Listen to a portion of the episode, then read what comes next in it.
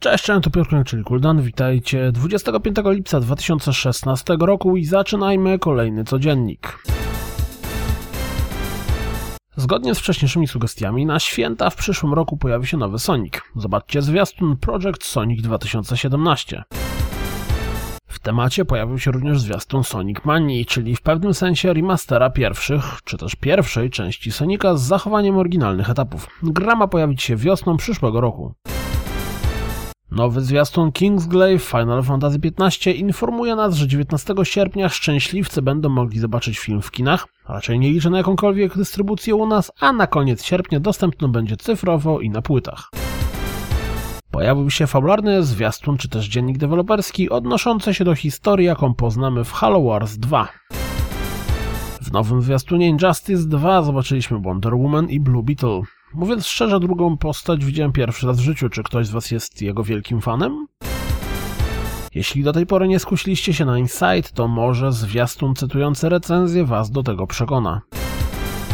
Do cyfrowego Magica, czyli Magic Duel, zbliża się Eldritch Moon, który zachęca nas zwiastunem. Maldita Castilla XX Cursed Castile w zwiastunie informuje o swojej premierze na Xboxie One. Jeśli czekacie na South Park The Fracture Butthole, to sprawdźcie nowy zwiastun czy też dziennik deweloperski poświęcony grze. Hyper Light Drifter debiutuje na PlayStation 4, o czym przypomina nowym zwiastunem. Trzecie wideo związane z No Man's Sky czeka na obejrzenie, tym razem poświęcone jest handlowi. Pojawił się zwiastun przedstawiający postać Yuri zmierzającą do Street Fighter V. Xboxowego sklepiku dowiedzieliśmy się, że wszystkie trzy remastery Dead Rising pojawią się 13 września. Autorzy Pray for the Gods poinformowali, że gra pojawi się na PlayStation 4 i Xbox One, jeśli tylko zostanie ufundowana, czyli zbiórka przekroczy 300 tysięcy dolarów. Wcześniej miało to się stać dopiero po przekroczeniu progu 600 tysięcy dolarów. Ciekawe, czy tłumaczenie, które przedstawili jest w pełni prawdziwe, czy raczej uznali, że nie mają szans przekroczyć 600 tysięcy. Do końca zbiórki zostało bowiem 11 dni, a kwota dopiero zbliża się do podstawowego ufundowania, a przy obiecanej premierze na konsolę być może więcej osób będzie chciał wesprzeć grę.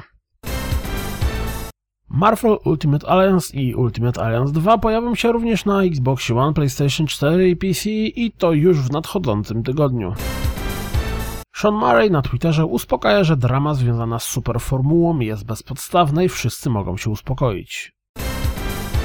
Kto chętny, ten może zobaczyć kolejną scenkę z kampanii Call of Duty Infinite Warfare. W sumie to jak na to patrzę, to Call of Duty w nazwie nie ma dla mnie żadnego znaczenia. Kojima bawi się ze swoimi fanami. Zaprezentował filmik przedstawiający logosa Kojima Productions. Czekam na analizy i omawianie go klatka po klatce.